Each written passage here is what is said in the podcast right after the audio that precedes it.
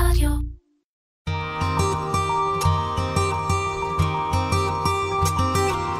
משפחה ותיקה. על משפחה, זקנה והחיים בעידן המודרני. שלום לכולם, הגעתם לפודקאסט משפחה ותיקה, פודקאסט שנוצר עבורכם, האוכלוסייה המבוגרת ובני המשפחה שלכם. אני סנדרה וינוגרד, עובדת סוציאלית באגף הייעוץ לאזרח הוותיק ומשפחתו במוסד לביטוח לאומי. בפרק הזה אנחנו נדבר על נושא שנורא קרוב לליבי, נושא ההתנדבות. נמצאת איתי כאן ורה שלום, מנהלת האגף הארצי שלנו, של הייעוץ לאזרח הוותיק ומשפחתו. שלום ורה. שלום. אז בואי נדבר קודם כל על מה זה בכלל התנדבות. כשאנחנו אומרים אדם שהוא מתנדב בחברה, בעצם הוא לוקח חלק פעיל בחברה שבה הוא נמצא, והמטרה שלו זה לחוש במשמעות שיש לו כאדם, כפרט, אבל הפעם זה עבור האנשים האחרים, לא רק עבור עצמו.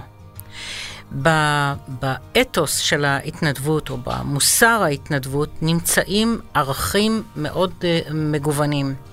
ערכי אנוש שמתייחסים לנושא של הסולידריות החברתית, להדדיות, לשייכות, להעצמה, לנתינה. בעצם כל אלה ביחד הם תורמים משהו לאיכות החיים של הפרט, זה שעוסק בזה, וגם כמובן הוא תורם לאיכות החיים של הקהילה, של החברה שבה אנחנו חיים. את ההתנדבות הרבה פעמים אנשים משווים אותה לנתינה.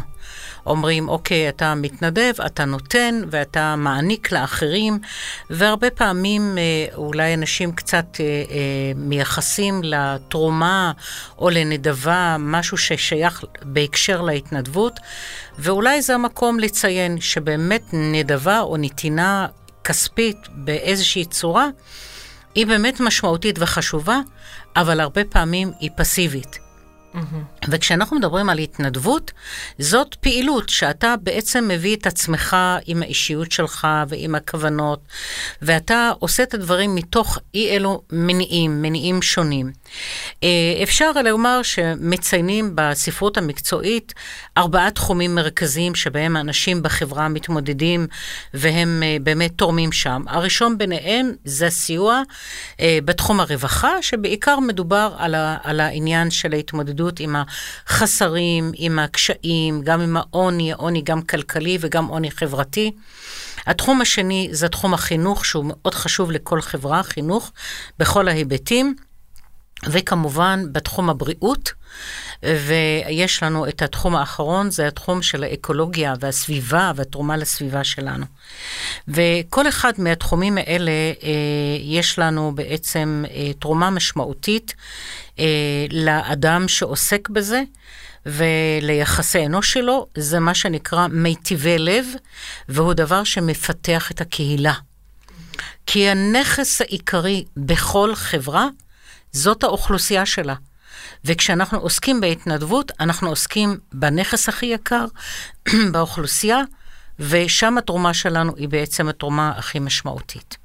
זאת אומרת, אה, מה שאת אומרת, שלהתנדבות יש ערך מאוד מאוד גדול בסולידריות החברתית. היא נוצרת מתחושת סולידריות, והיא גם מחזקת את הערבות ההדדית אה, בין נכון. האנשים. כי באמת אה, טוענים, כאילו, גם במשך השנים השתנו הגישות קצת. כאילו, מדברים על, אוקיי, מה מביא את האדם להתנדב?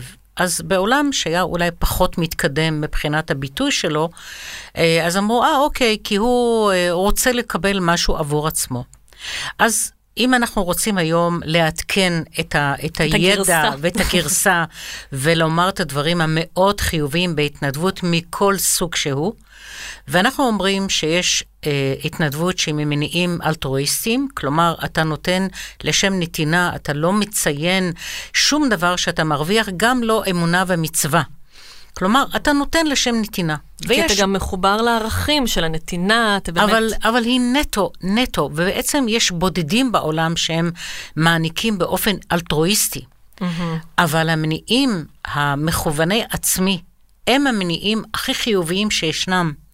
אנחנו מדברים על המניעים האלה, שלא משנה אם אתה מחפש את השייכות, ואתה מחפש את הידע, ואתה מחפש את, החברה. ה... את החברה, ואת המעמד, ועוד הרבה מאוד אלמנטים וללמוד אולי כישורים וללמוד, חדשים. בדיוק, ולצבור לך ניסיון, ואולי לפתח אפילו קריירה. לא משנה כרגע מה הרווחים שלך, יותר חשוב מה החברה מרוויחה מהמעורבות שלך. זה שאתה אה, אה, מרוויח מהעשייה הזאת, זה רק הופך את הנתינה שלך לעשירה יותר, ואמיתית יותר, וטובה יותר, ומעמיקה יותר, והיא הדבר באמת אה, שאנחנו מאוד מאוד מכבדים אותו, ולמדנו להכיר אותו בצורה מאוד יפה בעבודה שלנו, בשירות שלנו.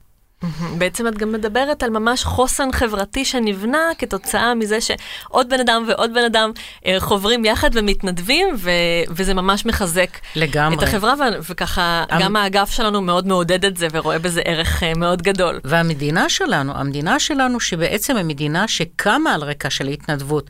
עוד בשנים רבות לפני קום המדינה, בעצם מי שהגיע לכאן, הוא הגיע בהתנדבות. והחברה הייתה, אה, האנשים שהגיעו לכאן, מה שהציל אותם, או אפשר לנו לזכות במדינה שלנו, זאת הלכידות שהייתה בין האנשים, גם כשהם נלחמו אחד בשני, הייתה להם לכידות סביב מטרות מסוימות.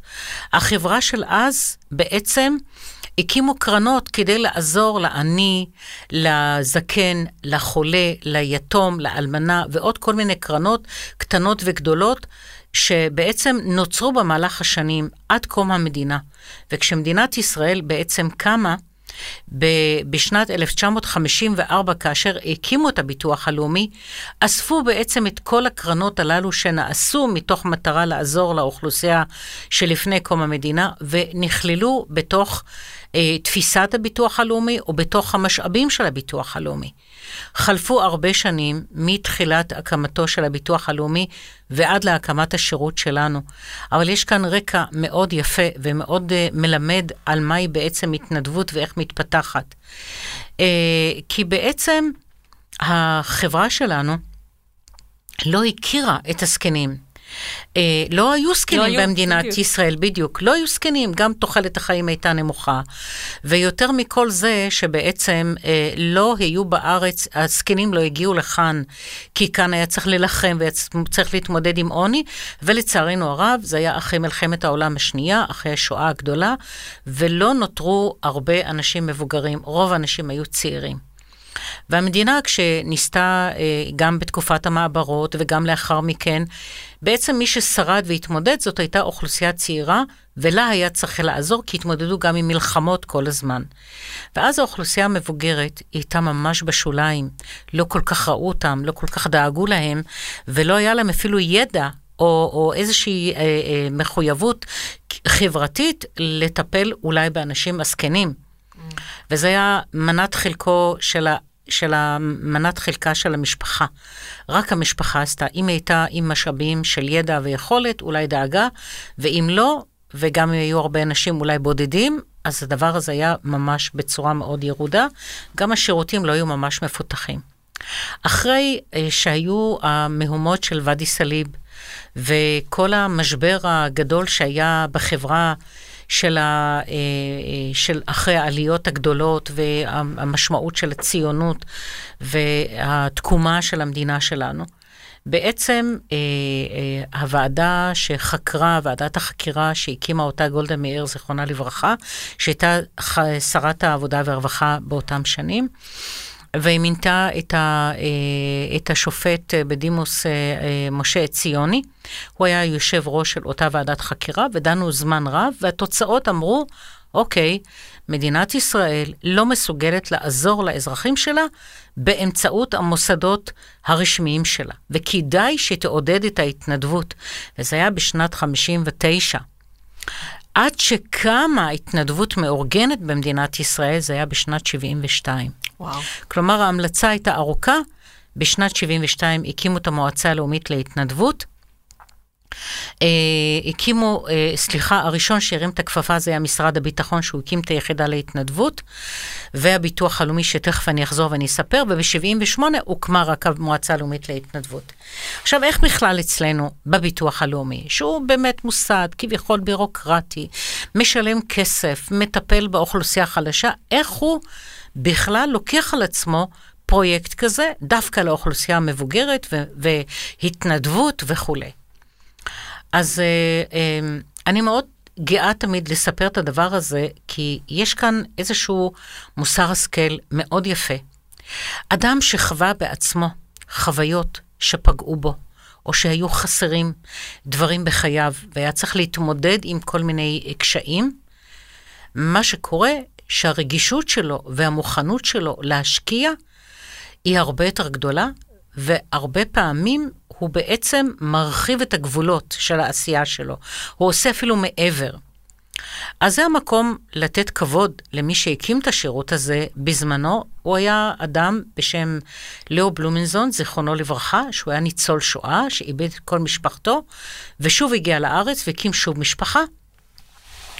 ו- ומה שהוא עשה בעצם, הוא אמר, אני מבקש להקים שירות מיוחד עבור אוכלוסייה מבוגרת, כי הזקנים הם היו החוליה החלשה ביותר בחברה הישראלית שלא ראו אותם. אמר, בואו נקים אה, איזשהו ניסוי, פיילוט, נעשה אה, קבוצת אנשים שהם בגיל הזקנה, שהם יתנדבו עבור אנשים מבוגרים אחרים, יס, ייתנו להם ייעוץ במסגרת הביטוח הלאומי, והזכות הגדולה היא להעסיק אנשים מבוגרים, היא בגלל כמה דברים משמעותיים. א', הם יראו את האנשים המבוגרים בגובה העיניים, הם מבינים את הזקנה בעצמם, והמפגש בינם לבין האוכלוסייה המבוגרת יהיה הרבה יותר אה, אמיתי וטבעי. ורגיש. ורגיש כן. ומבין. הדבר השני, שהזמן שלהם הוא הרבה יותר רציף. כלומר, הם לא מתגייסים, הם לא הולכים לבית ספר, אין להם בחינות, לא... זה לא אחרי העבודה. אחרי העבודה, לפני כן, העבודה, בדיוק, כן. לא הולך להתחתן, החברה שלי וכולי, אלא באמת יש כאן משהו שבאמת נותן רציפות של הקשר והוא נורא משמעותי. הדבר הנוסף שהוא נורא היה חשוב, וגם היום הוא חשוב, שרוב המדינה בעצם היו אנשים שהיו עולים חדשים מתישהו, הגיעו לפה עם שפות רבות, ואוכלוסייה מבוגרת של המתנדבים שלנו דיברו את כל השפות. את כל השפות, גם בערבית וגם ב, ב, בשפות אה, אה, אה, אה לועזיות, אה, אירופאיות, אירופאיות כן. והם בעצם דיברו את כל השפות, ויכולנו תמיד להתאים את המתנדב עם השפה ועם התרבות לזקן שהיה רוצה לפגוש אותו. מאז עברו הרבה מאוד שנים, עברו כמעט 50 שנה, והביטוח הלאומי לא האמין איזה ילד נולד לו. כי בעצם אין כללים וחוקים. איש לא נתן לשירות הזה כללים וחוקים ואמר, אתם תעשו כך או תגייסו כך או כך. זה השירות היחידי שהוא נמצא במנהל הגמלאות שמשלם אה, גמלאות לאנשים, שבעצם הוא יוצר את העבודה שלו, הוא מוליד את עצמו כל פעם מחדש מתוך הרגישות לקהילה, מתוך ההבנה שישנם צרכים מיוחדים בקהילה, ושהוא צריך בעצם להמציא את הפתרונות. ולהתאים את עצמו גם לצרכים המשתנים, בדיוק. ואולי נדבר על זה קצת אחר כך, על שינויי הזמן הזה אה, בהתנדבות. ומי לא, מי יותר מהמתנדבים שהם הזקנים או המבוגרים שנמצאים בקהילה, שהם בעצם השגרירים הכי טובים, שגם מביאים את הידע לקהילה וגם מביאים לנו את הרגישויות ואת הצרכים מתוך הקהילה. כלומר, זה שירות מין חוליה כזאת, שהיא כל הזמן מחוברת לחיים הקהילתיים, ואנחנו בעצם שירות קהילתי בתוך הביטוח הלאומי, עושים שירות עבור הקהילה ועושים שירות מתוך הביטוח הלאומי, בשיתוף עם הביטוח הלאומי, מבחינת האגפים האחרים שעוסקים בזקנה, מנסים להשלים חוליות חסרות ככל שניתן עבור האוכלוסייה המבוגרת. וואו, מדהים ומרגש לשמוע את זה כל פעם מחדש. אמ, אולי ככה נספר כמה מתנדבים יש לנו בארץ ואת כל הפריסה של השירות שלנו. אז בארץ יש, אה, אה, יש לנו 5,000 מתנדבים, אפילו קצת יותר. אה, לא מדברת על תקופת הקורונה שקצת השבית לנו חלק מהפעילות, ומדובר על שירות שכולנו, כפי שאמרתי, כולנו עובדים סוציאליים, מומחים בתחום ההתנדבות והזקנה, והפעילות שלנו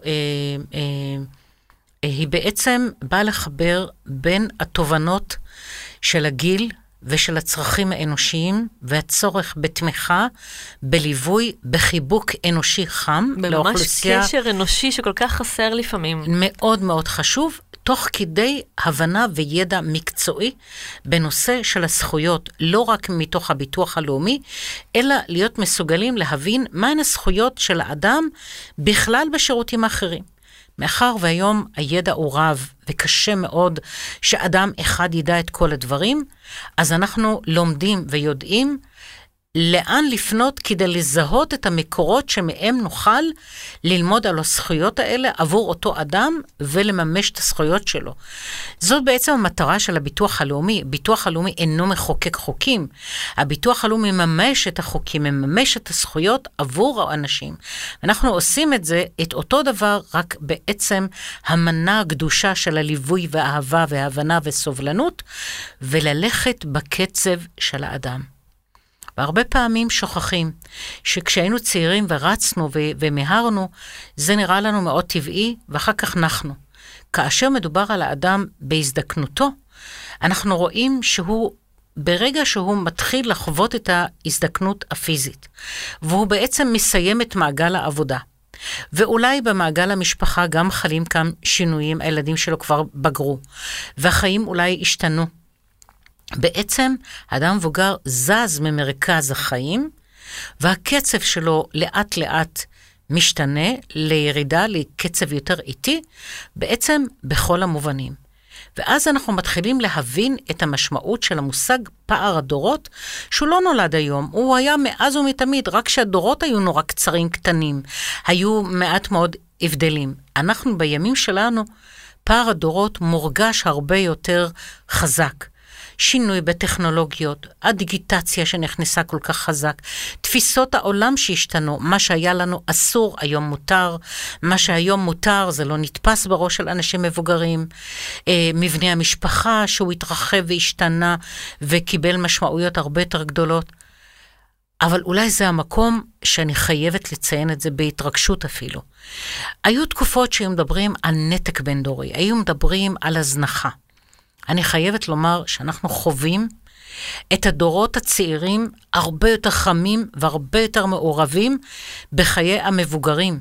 נכון. וזאת נקודה נכון. שחשובה, מגיע כבוד שבעצם לא מוותרים, לא מוותרים על לתמוך וללוות, ואולי אפילו היום יותר קל, כשאנחנו, יש לנו אפשרות לתת לאנשים הצעירים, לעזור לסבא סבתא או להורים המבוגרים באמצעים טכנולוגיים פשוטים יותר, עם הוואטסאפ, עם, ה, עם הטלפון, עם הפקס, עם מה שכבר אין היום, שיש, עם כן. הזום היום ועם כל האמצעים האחרים, ביום, בלילה, בכל רגע, בעצם זה מטריח אותם פחות, אבל זה הופך אותם למעורבים יותר, כי זה בכלים שלהם. והרבה אנשים צעירים חוו את הסבא סבתא שלהם, הסבתאות אצלם היא שונה מזאת שהכרנו אולי מי שהיה לו סבא סבתא והכירו אותם בעבר, והיום הסבא סבתא הם הרבה יותר אה, אה, נוכחים בחיים של החבר'ה הצעירים. וכל השינויים האלה, אנחנו מודעים להם, אנחנו מתאימים את עצמנו. ההתפתחות של השירות שלנו עבור בני המשפחה, וגם סנדרה, מה שאת הבאת, את כל הנושא הזה של הפודקאסט עבור המשפחה אה, אה, הוותיקה, שבעצם את מחברת בעשייה הזאת בין המשפחה שהיא מאוד רחבה, יכולה להיות ילדים ונכדים ואפילו אולי נינים, והוותיקות של, ה, של האנשים המבוגרים בחברה. החיבור הזה בין המשפחה התומכת לבין האדם המבוגר שתמך וגידל ועשה, והיום אנחנו מחברים בין שניהם, אני חושבת שהנה, את הבאת לזה ביטוי מאוד יפה בהצעה שלך, באמת, שאנחנו נפתח את הפודקאסט הזה. אני שמחה, ואני רק אגיד שלדעתי, כל מה שאת ככה מתארת, אני מדמיינת אה, שבעצם האדם המבוגר נמצא במרכז המשפחה, והמשפחה נמצאת סביבו, אה, כאיזשהו אה, חיבוק משפחתי ואיזושהי מעטפת שתומכת ומסייעת, והוא כמובן גם תומך ו- ו- אה, ונמצא ונותן המון לתוך המשפחה. זאת אומרת, זה שאנחנו תומכים, אנחנו גם אה, מקבלים המון ברור. מהמבוגרים אה, במשפחה שלנו. אז יש פה איזושהי ערכיות לשני הצדדים, ואולי נדבר ככה על מה בפועל השירות נותן, מה, מה, מה מה המתנדבים שלנו עושים, אם אנחנו יפה. מדברים על התנדבות. אז אני רק אשלים את המשפט שלך, שאמרת כן. שהזקן במרכז. אני רוצה לומר שלצערנו, יש לא מעט זקנים שאין להם משפחה. מסביב. לא כי המשפחה לא באמת דואגת ולא רוצה, אין לה את היכולת או אין משפחה בכלל. זאת מדינה של הגירה, יש פה הרבה מאוד אנשים, תוחלת החיים העולה, גם יש יותר אובדנות, יש יותר אנשים שהם אלמנים ואלמנות. וגם יש אה, אולי פער במקום, מבחינה אה, גיאוגרפית, איפה אתה גר ומי יכול באמת להגיע אליך. אז השירות שלנו בעצם אה, אה, עושה את העבודה בצורה מאוד אה, מיוחדת. א', הנושא של הייעוץ. אנחנו קוראים לזה ייעוץ, למרות שלפעמים אנחנו לא באמת יש לנו מה לתת, אבל אנחנו מייעצים לאדם על ידי כך שהדלפקים שלנו פתוחים עבורו, הוא מגיע, פוגש אדם מבוגר כמוהו, יועץ מתנדב, שכל מה שמניע אותו זה להצליח לעזור לאותו אדם שמגיע אליו. ואז הייעוץ הוא פרונטלי, הוא פנים אל פנים, הוא רואה אותו, הוא מכיר אותו, ואז תוך כדי שהוא אומר לו, אוקיי, מה הזכות שלך, גם שואל אותו, למה אתה נראה לי עצוב ומה קרה? ואולי הוא ישתף אותו, ותוך כדי שיתוף הוא יבין שאולי הוא התאלמן לאחרונה, ואולי יבין שאולי חסר לו אוכל, אולי חסר לו ביטחון, אולי חסרים לו עוד כמה דברים. אנחנו יודעים שרוב האנשים לא מגיעים, המבוגרים, אל הביטוח הלאומי. ואז התפתחו במהלך השנים הייעוצים הטלפונים. אז אנחנו מזהים אוכלוסיות, בגלל שאנחנו יושבים על בסיס ידע ואינפורמציה שהביטוח הלאומי מספק לנו, וזה דבר נפלא. המתנדבים מתקשרים לאוכלוסיות יעד מסוימות בשל גיל מבוגר, מצב משפחתי של אלמנות, אנשים שאולי הפכו להיות תלויים והם זכאים לחוק הסיעוד, ואז מתקשרים אליהם, מציגים את עצמם. הרבה פעמים קורה שאפילו הזקן שמעבר לקו אפילו כועס על הביטוח הלאומי ועל מר גורלו, והמתנדב אומר לו, אני שומע את הכעס שלך, בוא, נ, בוא, בוא נראה מה אפשר לעזור. ואז פתאום מתפתחת אה, שיחה שממנה מבינים שאפשר לתת עוד דברים. חלק מהדברים שעולים זה גם תחושת הבדידות, ואז מגיע מתנדב. קבוע, באופן מסודר, לביקור בית אצל אותו אדם, בעצם בא והופך להיות במהרה לחבר, לבן משפחה, ואז הוא, אתה תשאל את אותו אדם מבוגר, האם יש לך מתנדב, אומר לך לא, ואתה אומר לו, אבל מוישלה בא אליך כל שבוע. אתה אומר, הוא אומר, מוישלה הוא חבר שלי, הוא כמו אח שלי. הם ממש חברי נפש, אני רואה את זה. ממש. וגם יש אפשרות לספר לחבר דברים שאתה בחיים לא תשתף, לא עם נכון. בני המשפחה ולא עם הילדים, כי מולם אתה עוד בתפקיד. בדיוק. אבל מול חבר, וגם אמ, יש, יש המון משמעות ותרומה באמת לקשר העמוק הזה, האנושי. הוא ממש משפר את רווחת החיים של האנשים המבוגרים. לחלוטין. את יודעת, אה, סנדרה, את בתור אדם צעיר, אולי הדבר הזה צריך לחזק אותו. לפעמים אנשים יש להם אהבה בלב ואין להם למי לתת אותה. ואנשים המבוגרים, כשהסביבה שלהם מדלדלת, אז יש להם אהבה ואין להם לאן לפרוק אותה, ולפעמים זה גורם לתסכול והאהבה הופכת לכעס. ופתאום כשיש לך מישהו שבא לבקר אותך, והופך להיות החבר שלך, אתה בעצם חולק איתו את הרגשות שלך, את האהבה שלך. הוא נותן לך תקווה לשבוע. הוא שואל אותך שאלות שבאמת יעסיקו את המחשבות שלך בצורה חיובית, ואתה תתכונן בשבוע הבא לספר את זה. קשה לך לצאת בגיל 80 פלוס, אם אתה קצת מוגבל ואיבדת חברים, לצאת ולמצוא את עצמך בחבר'ה. אין לך חבר'ה.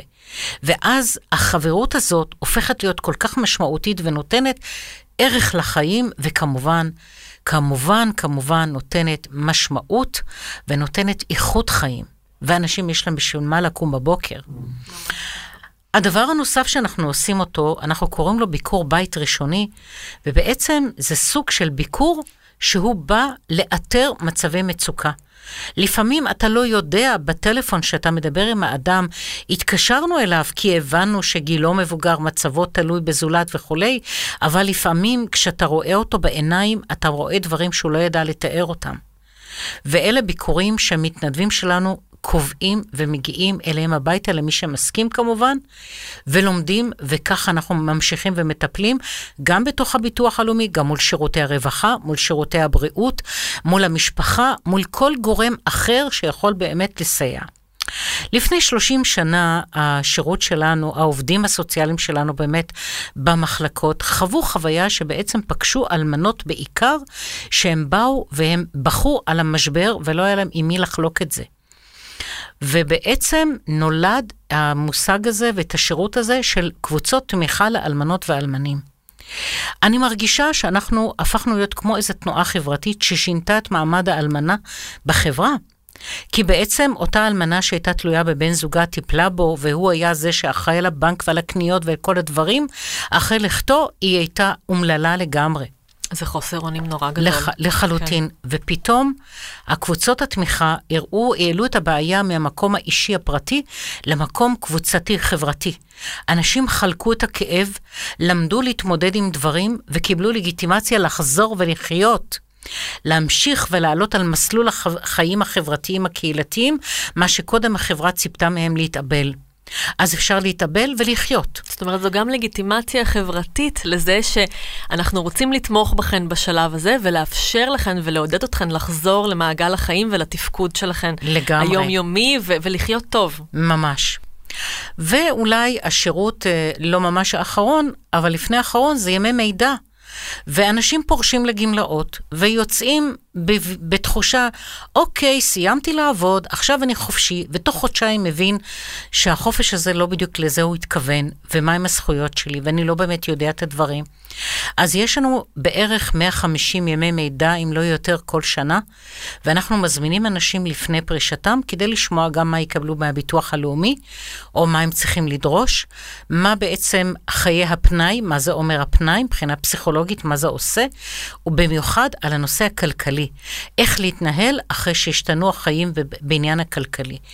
עצם המפגש, גם אם הם לא יצאו מהיום הזה עם ידע אדיר על כל נושא ויזכרו אותו, אבל יזכרו שיש להם כתובת לאן לחזור. והם יחזרו אלינו, וחוזרים אלינו אנשים ואומרים, הייתי, שמעתי, בואו תעזרו לי להבין את הדברים. השירות האחרון האחרון שהקמנו אותו לפני 6-7 שנים הוא מרכז התמיכה והמידע הטלפוני ארצי, כוכבית 9696. זה שירות שהיה משאת נפשי, ארבע שנים חלמתי, של יהיה מוקד כזה טלפוני, שיענו לו המתנדבים החכמים שלנו ואיש מקצוע משלנו ילווה אותם, ואנשים יתקשרו ולא יהיו חייבים לשאול שאלות אה, אה, ולקבל תשובות מיידיות, וכן יקבלו הקשבה ויקבלו את הזמן ובקצב שלהם, ונמשיך לטפל בהם ולחבר אותם לסניפים. והשירות הזה פועל חמישה ימים בשבוע, מתשע בבוקר עד השעה אחת וחצי. עושה עבודה נפלאה. ומתקבלות המון המון שיחות. חמשת ו... אלפים שיחות התקבלו כל, כל יום במהלך התקופה האחרונה. אנחנו לא יכולים לענות על כולם, אבל חלק מהשיחות הולכות להקלטה, ואז בסניפים חוזרים אליהם. ובאמת, אנחנו מנסים להנגיש את השירות בכל דרך אפשרית. היום אנחנו בכלל עסוקים בלהפעיל את הזום, מה שנקרא, הפך להיות מין כוכב עליון כזה. כולם נפגשים במסך, בצג המחשב.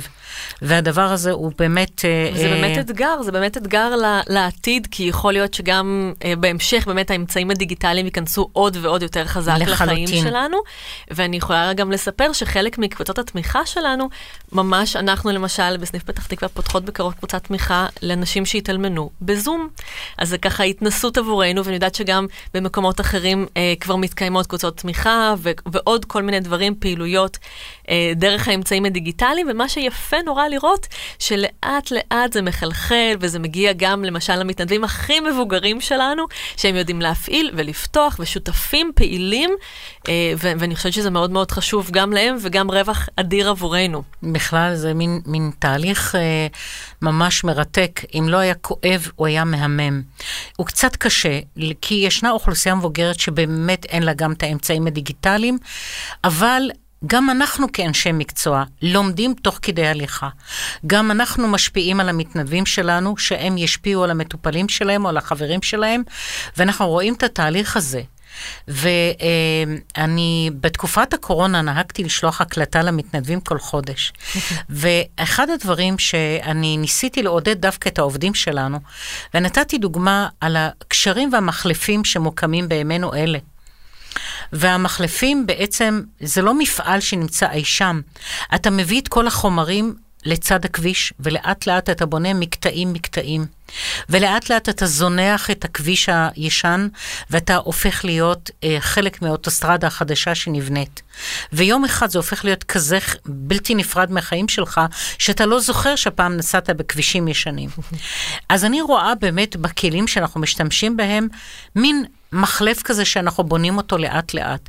אנחנו עוברים, משנים את הכלים שלנו, או מרחיבים את הכלים שלנו, גם לכלים הדיגיטליים, ולא שוכחים שחלק מהמבוגרים לא, לא יהיה להם ולא מסוגלים, אנחנו שם גם עבורם. וזה באמת המקום אולי להגיד שחלק מביקורי בית עכשיו, בתקופה הזו, הפכו להיות שיחות חברתיות קבועות. בטלפון. אה, בטלפון, וזה עובד מאוד מאוד יפה. נכון. זה עובד מאוד יפה, וכשאתה יודע שיש לך שיחה קבועה של אדם יקר שמצלצל אליך, אז אתה כמובן מתכונן, ו- ו- ונבנה קשר מאוד מאוד מאוד עמוק. אה, גם אנשים שלא נפגשו מעולם, אני שומעת סיפורים על קשרים מאוד מאוד מרגשים, של סודות כמוסים שנאמרים. דיבורים, ו- ו- והחלטות והתייעצויות סביב חיים ומשפחה, ובאמת, יש לזה, יש לזה תרומה מאוד מאוד גדולה. מאוד. ואנחנו, אני חושבת, המרוויחים הכי גדולים.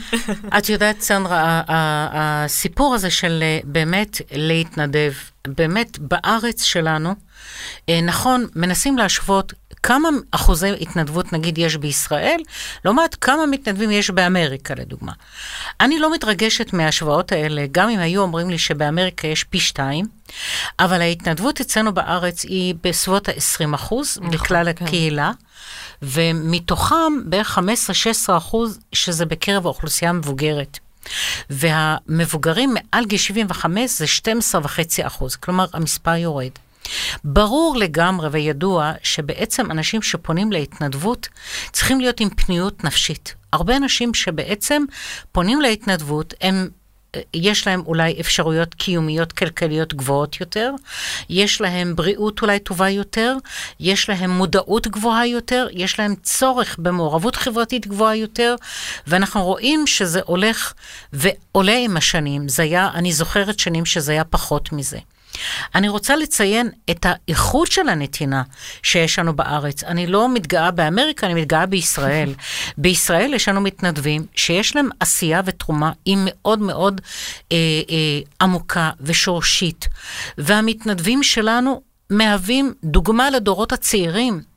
המתנדבים שלנו בשירות שלנו, אני רואה אותם, כי אותם אנחנו פוגשים, מספרים על הנכדים שלהם שמתנדבים, ועל הילדים שלהם שמתנדבים, ויותר מהכל שמרגש מאוד עד דמעות, אני חייבת לומר, שיש לנו מתנדבים שהלכו לעולמם, וילדיהם באו להתנדב. להתנדב אצלנו, ויש לנו כבר דורות שניים ושלישיים שבאים להתנדב אצלנו בשירות, ואנחנו מייחסים את זה לחוויה החיובית מאוד של הסבא סבתא, שבעצם לימדו את הדורות הצעירים, ראו אותם כדוגמה אישית, והם באו באמת להתנדב אצלנו ב- בתוך ה...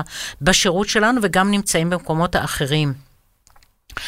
אני אה, רוצה לציין את, ה, אה, את המודעות שלנו לאיכות החיים של האדם המתנדב. את יודעת, סנדרה, לפני הרבה שנים, כמעט 30 שנה, אולי לא, קצת 20 שנה, היה אה, מנכ"ל ששמו יוחנן שטסמן, פרופסור יוחנן שטסמן, שהוא בעצם גריאטר רופא, שליווה אה, קבוצת אה, אה, קשישים, אנשים, ביחד עם פרופסור אה, אסתר יעקוביץ', זיכרונה לברכה, שהם עשו איזשהו מחקר אורך הרבה שנים, 18 שנה, עקבו אחרי אנשים שהתנדבו ולא התנדבו. ומצאו שהאנשים המתנדבים תוחלת החיים שלהם הייתה גבוהה משל, בין שלוש לחמש שנים יותר מאותם אנשים שלא היו פעילים ולא התנדבו. זה מדהים, זו ממש תרופת פלא. ממש תרופת פלא.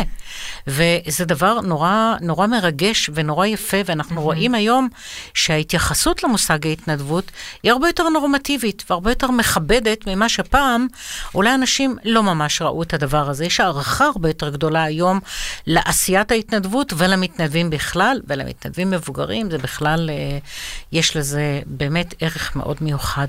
אני חושבת שאני גם אוסיף אה, לגבי מה אנשים בעצם מרוויחים מההתנדבות. אז מדברים על אה, בריאות גופנית ופיזית שמשתפרת מאוד, נכון. והיא משתפרת ככל שאתה גם יותר, תורם יותר שעות בהתנדבות. אה, את יודעת למה? כי יש לך אתגר. איך לא תלך לבקר את הזקן שלך? יאללה, אני ארגיש יותר מהר, יותר טוב, אני אקום בבוקר, אני אתלבש, אולי אני ארגיש יותר טוב. אה, ובסוף אתה גם מרגיש הרבה יותר טוב. נכון. יש לך איזשהו תמריץ שמחכה לך ואתה חייב להתארגן סביבו. אה, מדברים על ירידה בדיכאון, אה, ירידה נכון, בסטרס ובחרדה.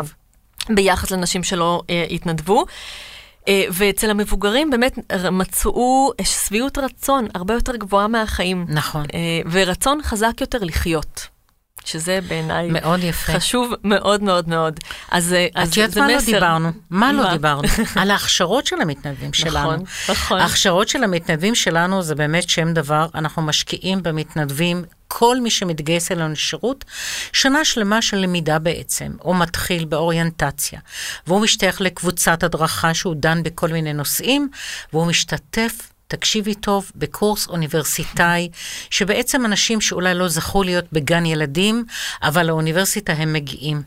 הם 16 מפגשים, שלושה ארבעה חודשים נמצאים באוניברסיטה. פוגשים אנשים ממש אחרים ושונים. הראשונה. ומהשורה הראשונה. ואני אומרת, כאשר אתה מגיע להתנדבות ובזקנה, אתה מוריד מעצמך את המעיל של הדאווין, ויוצא ממך רק כבן אדם. ובסופו של דבר, במפגשים האלה, המפגש הוא בין בני אדם. אולי הוא טייס, ואולי השני היה סתם אולי אדם פשוט שלא למד ולא עשה דברים אה, שהם מאוד נחשבים בחברה. המתנדבים שלנו באמת באים. ממגוון מאוד מאוד רחב של האוכלוסייה. יש לנו מנהלי בנקים, ויש לנו מורות, ויש יש לנו... לנו רופאים וטייסים. נכון, טייסים, יפה. וטייסים, היה לנו, כן, טייסים חתיכים שהיו אצלנו, פרופסורים, היסטוריונים, ויש לנו אנשים רבים. רגילים. שהם, מה זה רגילים? הם שחינכו את העם, מורות, עובדים סוציאליים, אנשים שעבדו במשק בית, נכון, שיש להם את נכון. האוניברסיטה של החיים, למדו את החיים מהמקום הכי יפה. מפגש בין עדתי שלפעמים לא היית רואה אותו בשום מקום אחר, זה מתרחש דווקא בין בזקנה שונות, בין נכון, תרבויות שונות, נכון. בין יהודים לערבים, יש לנו יהודים, ויש לנו נוצרים, ויש לנו מוסלמים, ויש לנו דרוזים, ויש לנו מכל הדתות, מכל הסוגים. פריפריה ומרכז. והאמת, הזקנה היא זקנה בכל הארץ, אותו הדבר. וזה דבר שהוא נורא אה, נוגע ונורא חשוב. אז כל האנשים האלה מגיעים לקורס האוניברסיטאי, ובאמת אחר כך אה, מאוד מאוד חשוב גם אולי למי שאחראי על ניהול מתנדבים באיר, בארגונים, התחזוקה של המתנדבים מאוד חשובה, מאוד ואני חושבת משמעותית. שבזה יש, נעשית עבודה מאוד מאוד אה, גדולה. ענקית, ענקית, עבודה ממש מרגשת וממש עבודה מאוד מאוד יפה. אה, אנחנו באמת נמצאים, אני ככה ארחיב על זה, אנחנו באמת נמצאים שם בשביל המתנדבים שלנו ממש כל הזמן. אה, יש הדרכה קבועה. על, גם על ה- המשברים שלהם, גם כשהם עוברים. ו- בדיוק. זה בית. בדיוק, בדיוק. אנחנו לא נפרדים מהם אה, באמת אף פעם, הם, הם, אנחנו בשבילם והם בשבילנו תמיד. ואני רוצה אולי באמת בהזדמנות הזאת לספר איזשהו מקרה שאתמול שוחחתי עם מתנדבת שלנו, היא התנדבה, היא, אחות במקצועה והיא התנדבה מעל 20 שנה אצלנו, והיא הייתה עושה שיחות טלפון אה, חברתיות קבועות. אה, לאנשים מבוגרים, ובשיחות, אני זוכרת אותה בסוף המסדרון, מעודדת אה, את אותה אישה, ותקומי, ואל תשכחי, ואת צריכה לעשות ככה, ותדאגי לעצמך, ותטפלי בעצמך, וככה מאוד מאוד עם, עם רוח של עידוד וחיזוק. ואותה מתנדבת... עברה כל מיני אירועים אה, בריאותיים, והיא עכשיו מרותקת לכיסא גלגלים, והיא נמצאת בשיקום.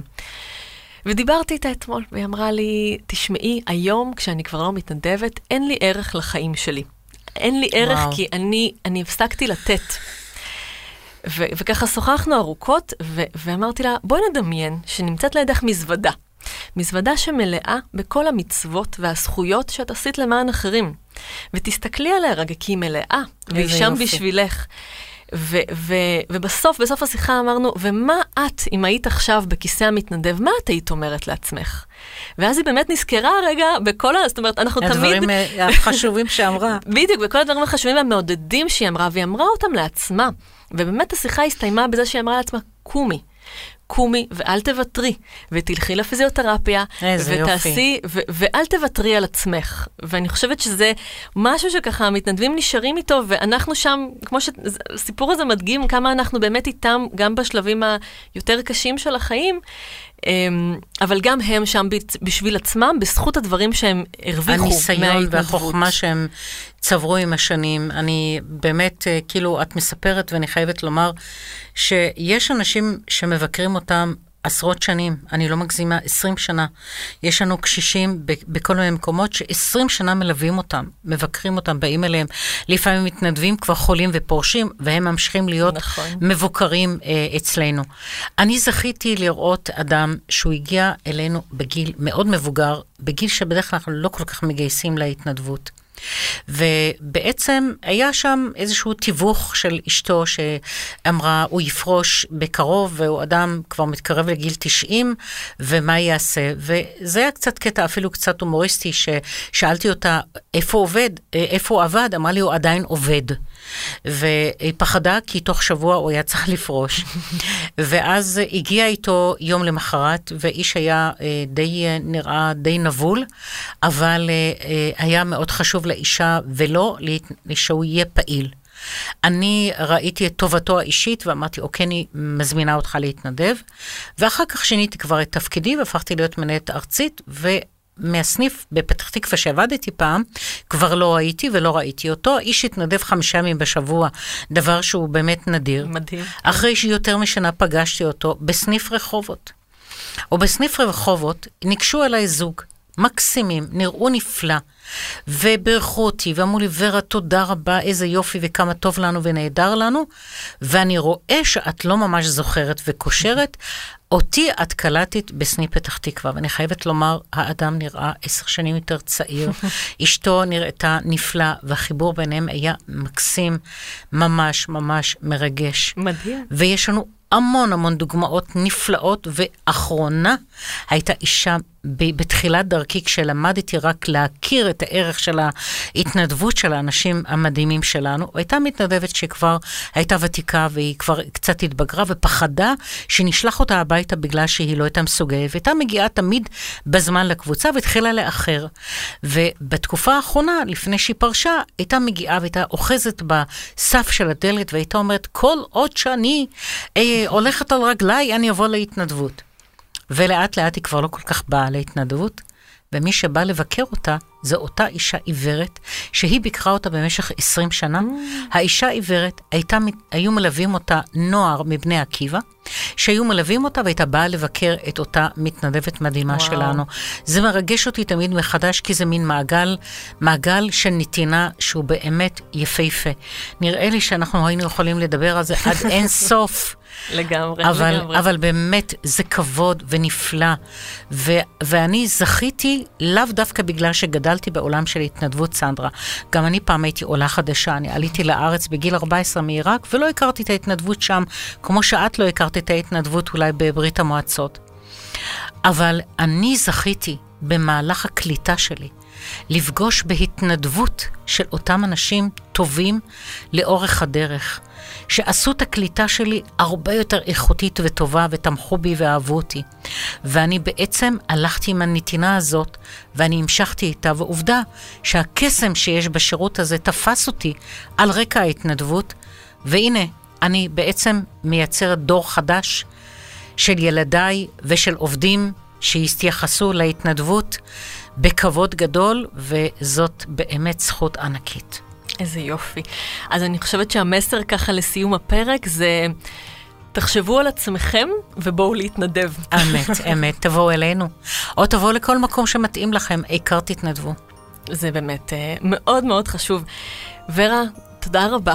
תודה לך, סנדרה יקרה. זאת הייתה שיחה חשובה ו- ומעניינת מאוד, ואני חושבת שחשוב לשים על השולחן גם את העבודה של המתנדבים הנהדרים שלנו. לגמרי. אז תודה.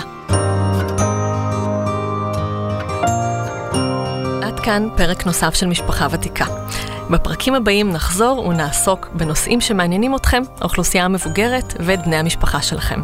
אני הייתי סנדרה וינוגרד, תודה רבה. משפחה ותיקה